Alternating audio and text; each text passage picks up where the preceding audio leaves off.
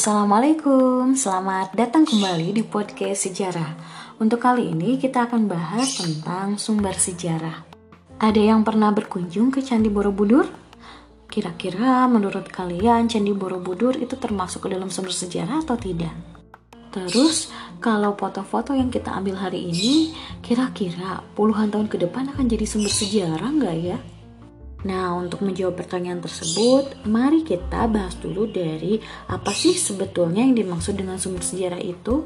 Sumber sejarah itu adalah jejak masa lampau yang berisi informasi tentang masa lalu.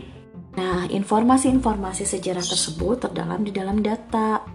Data itu adalah informasi yang masih belum diuji kebenarannya.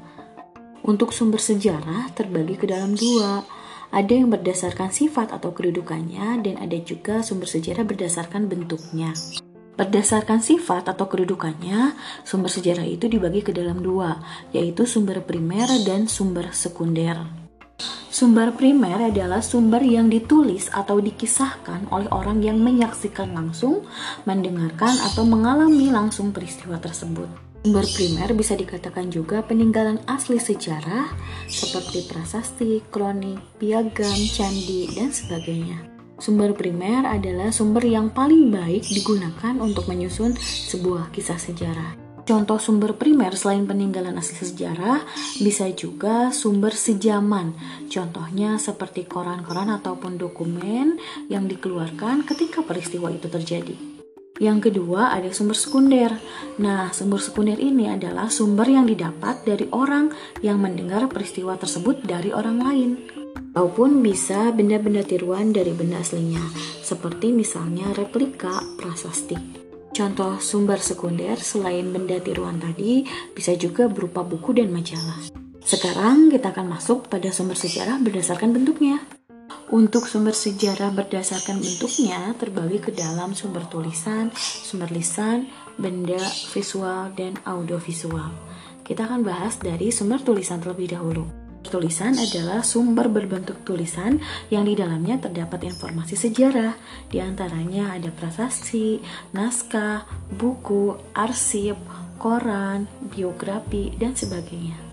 Untuk sumber lisan itu adalah keterangan-keterangan yang diperoleh dari pelaku dan saksi sejarah berbentuk lisan melalui ucapan.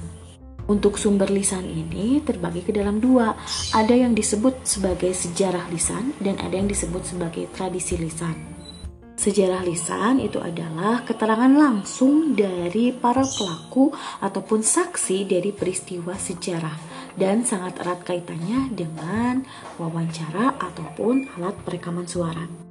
Kalau tradisi lisan itu adalah tradisi yang bercerita mengenai masa lalu yang berkembang di masyarakat.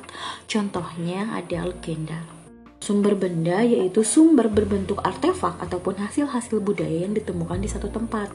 Contohnya adalah bangunan-bangunan bersejarah. Untuk sumber visual dan audiovisual ini ada karena adanya perkembangan teknologi. Nah, sumber visual itu apa? Untuk sumber visual itu adalah sumber gambar yang berbentuk dua dimensi, seperti foto-foto. Kalau sumber audiovisual itu adalah sumber sejarah berupa gambar tiga dimensi atau gambar bergerak. Contohnya adalah film-film dokumenter. Sekian untuk podcast kali ini. Kita ketemu di podcast-podcast selanjutnya. Tetap jaga kesehatan. Wassalamualaikum warahmatullahi wabarakatuh.